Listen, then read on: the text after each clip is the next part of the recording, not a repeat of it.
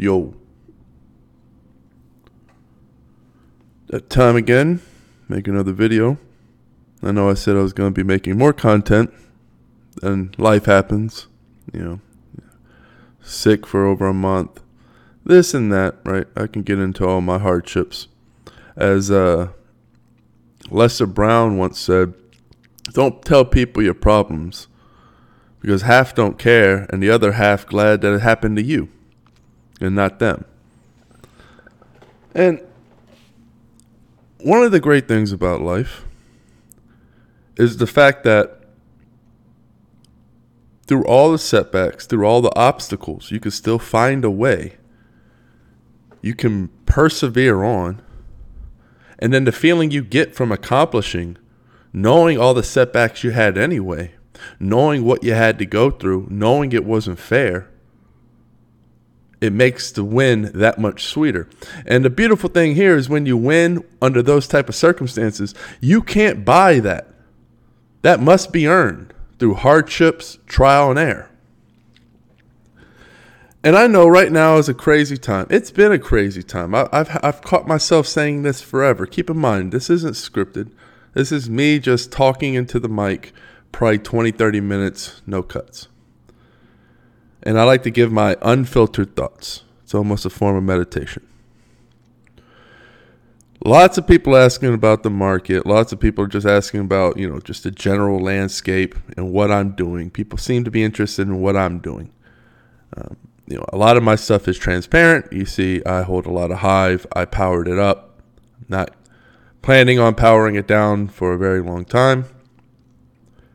Um, and, and, you know, some of my friends will, will ask, why is that? You know, I have some investor friends. I have people that I meet who, you know, get into different types of businesses, whether it be real estate, this or that. And the topic of crypto is coming up more and more. More and more people are interested. More and more people are not trusting centralized institutions. They want to have control over their asset. And this isn't a thing that was five years ago. And now more and more people understand the value case of something like Bitcoin, the value case of something like Hive. And of course, when I'm talking crypto, Bitcoin comes up. And then inevitably, if you're talking to me, you're going to know about Hive. I believe in Hive. I'm not paid to shill Hive. I found Hive on my own accord. I stuck around on my own accord because I'm a contrarian in most things because most people are lazy and follow just a few slick talkers. And the slick talkers are talking because they have some kind of self interest. They, they have ulterior motives. Most people do. Hey, all people do. Let's not be, you know, let's not get that twisted. None of us are saints. We all have our reason for being, our family to help, our success, this or that. You know, let's let's keep in mind all humans are greedy. That's not a bad thing. Don't judge the game. I've learned in my my 35 years of life, you don't judge the game. You don't come in and say, "Oh man, I wish this was different." Right? It's the old train track saying. You're on the train tracks, you say, "Well, I wish this train track wasn't here." And then you don't move and then you get hit by the train. You live in the jungle. Oh, I wish tigers weren't here, so you're not prepared for the tigers. What happens? All of these are blatantly obvious, yet when you apply the same logic to life, people get blindsided. Setting up things for obvious failure, wishing things were different. Security via being hidden, um, wishing, hopeful thoughts. And I can't help but talk about crypto because it is the only solution. There is no other solution. We live in a digital era. We've gotten ourselves here. We're not marching backwards. Oh, I wish we had more analog. Oh, I wish cash wasn't slowly, slowly becoming something that merchants don't accept. Oh, I wish gold was a bigger. Wishing. It, we live in practice. Go play poker for a living. I'm talking about how you get your bread, how you put food on the table, how you pay rent. Go play something like poker for a year or two. Survive only on poker. Right? And then you come back and you start talking about fair and what should and shouldn't happen in practice. You can go against practice all you want, but you will get wrecked. Period. You're not going to make a difference.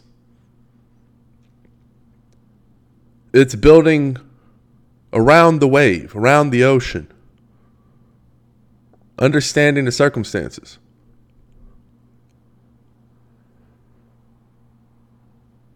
Since we live in this digital world, we're going to need censorship resistance.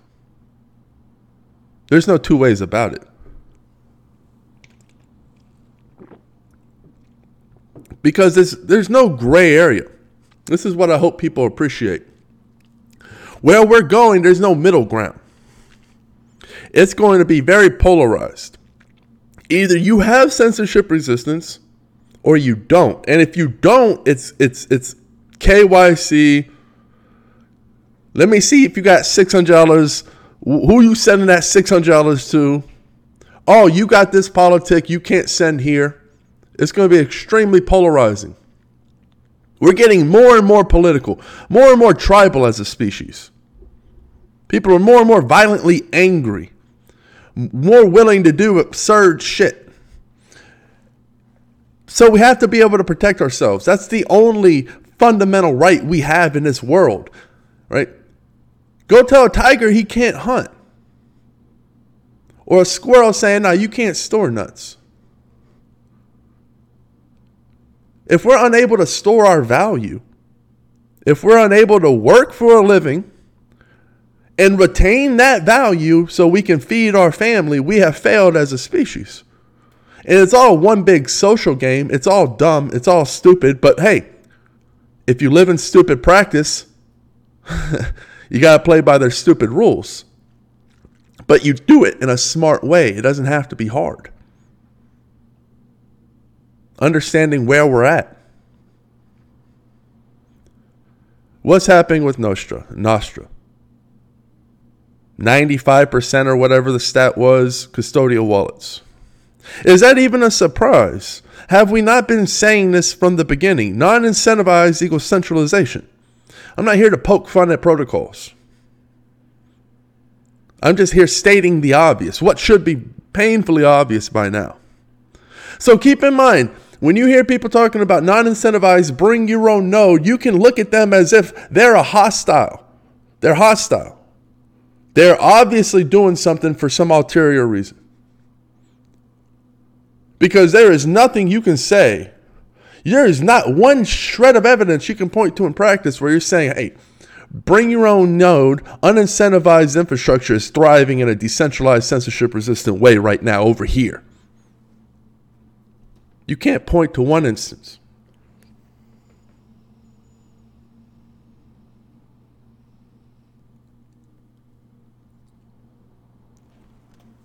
So we have to pave our own way.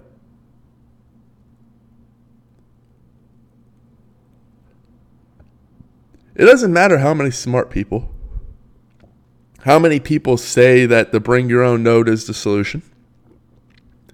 This unincentivized infrastructure. Because when you critically think about it, and every single one of you is capable of critical thought, research one by one, become obsessed. If you're not obsessed by this, then I have no idea what could be more important for your future, for your kids' future. This is not a game. This isn't something you play with. Sure, it could be conspiracy theory. All the governments could be good people. The CBDC could be a great thing. You can believe all that.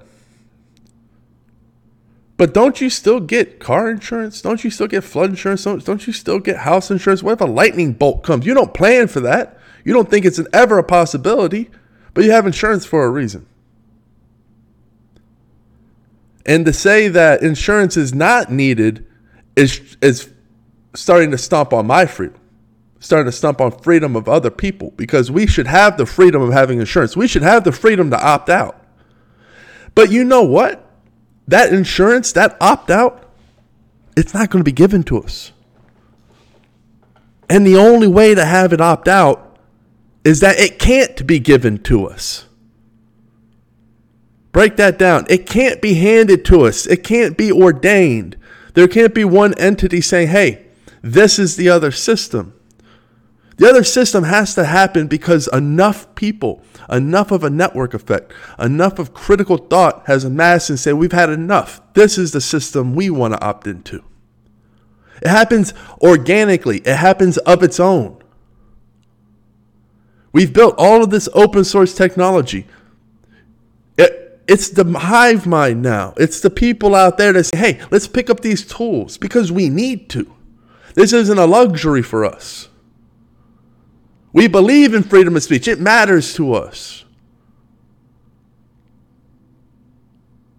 And you can clearly see who it matters to and who it doesn't because there's so many protocols that let alone the governance the most important part the one you can't buy the one that has to be come of itself have it have its own ecosystem let's let's put that to the side for a second most of them aren't built technically from a technological point to succeed. Layer one smart contracts. Pre-mines on coin voting.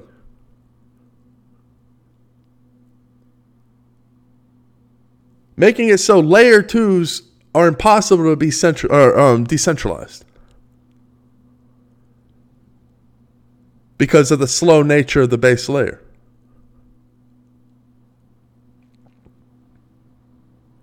There has been a direct attack on censorship resistance with this whole bullshit of a triangle.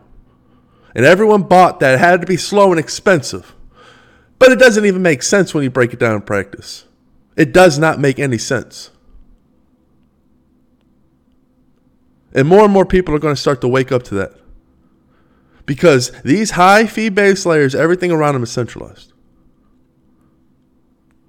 Now, I don't want to get down too technical.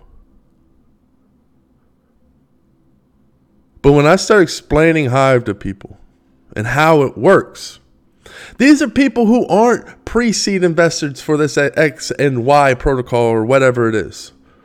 These are just curious people. Half of them don't even hold crypto. When I break it down on a very basic level, it clicks. It understands. They say, oh, well, that makes sense. I can see why you like Hive now. It's very interesting. And while Hive is far from perfect, you're never going to get perfect. It's the best we got, and it's the best we got by a mile. If you want to preserve freedom of speech, if you want to preserve value transfer, Hive is the best game in town.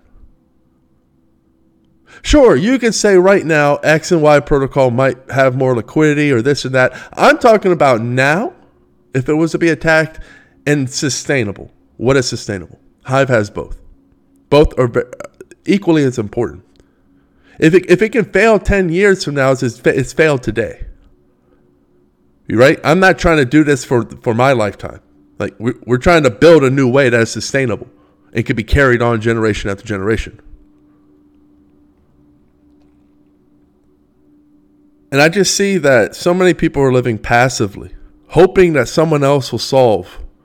When they don't understand that is the same mentality that's gotten us here today, where we are like children falling asleep in the car, waking up and they're like, "Oh, I'm at the doctor. What, why'd you take me here? How did I get here?" Going to a place that they wouldn't want to go. It's the same thing with with with these these people are just starting to wake up and like, "Well, how did we get here?" Like it, like they're not to blame. Like we're not all to blame. And here we are, given the keys to our freedom, literally. And instead of rallying around it, take doing everything we possibly can to preserve the flame that we have of censorship resistance. You have people arguing and bickering about the stupidest shit.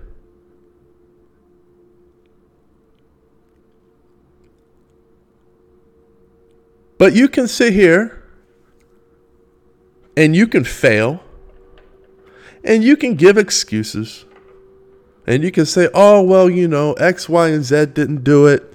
and no one would listen. And poor me. And life will gobble that shit up. Life will like, mm-mm, get feed me your excuses. I accept them every time, 24 7, seven days a week. And I'll give you a nice little cozy blanket so you feel comforted and you can sleep at night.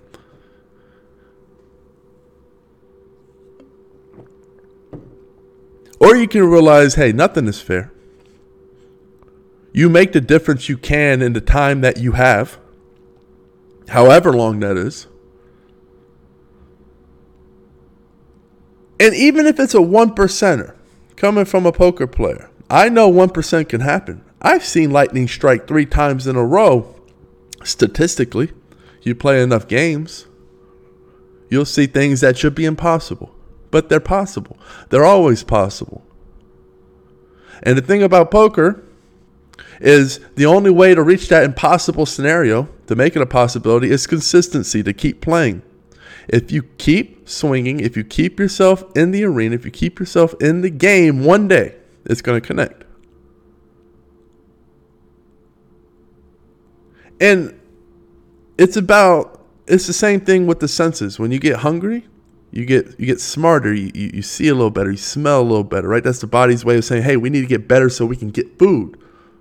You use that same mentality. Until you get it, you get hungrier, you get smarter, you want it more. And what I love about Hive, that I feel so comfortable, is we've been attacked. We've been blindsided. We've been sucker punched.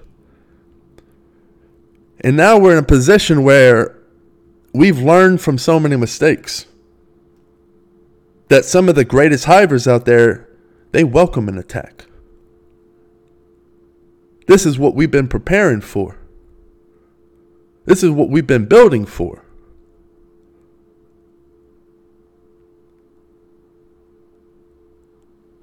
And I always believe in a counterbalance. It can't all be centralized. And there's always some ragtag group of people who don't realize how important they are. It always seems so small in the moment. And they don't realize the ripple effects that they have. The echoes that will remain long after they're gone. Because they were just a bunch of crazy people, a bunch of crazy bastards, right? Banding together, contrarian as hell, but working away, hacking away, not accepting the status quo, realizing that there is something seriously wrong with the way the majority of crypto protocols are heading. Most of them can't stand their own on their own two feet. Most of them are not censorship resistant in practice. Most of them are sitting ducks. We know that, they know that, and the predators know that. And there's a few out there that can stand on their own, that are deeply interesting,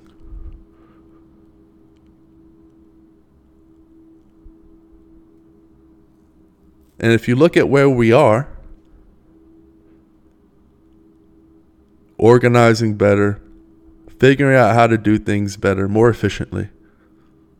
The events are getting more organized, more people are getting onboarded, more people understand what a custodial wallet is, what one isn't. Your average hiver I would take over some of the smartest people over on other protocols. I really do believe that.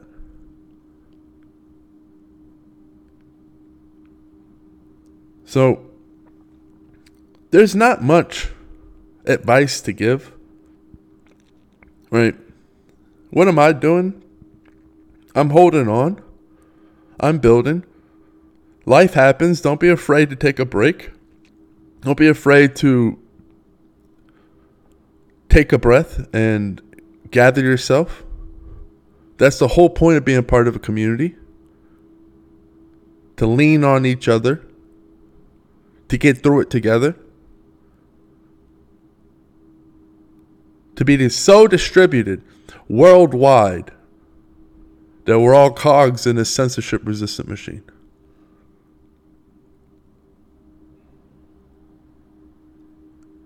But I'm very, very excited for the future ahead. For what's coming out, all the work that's been being done.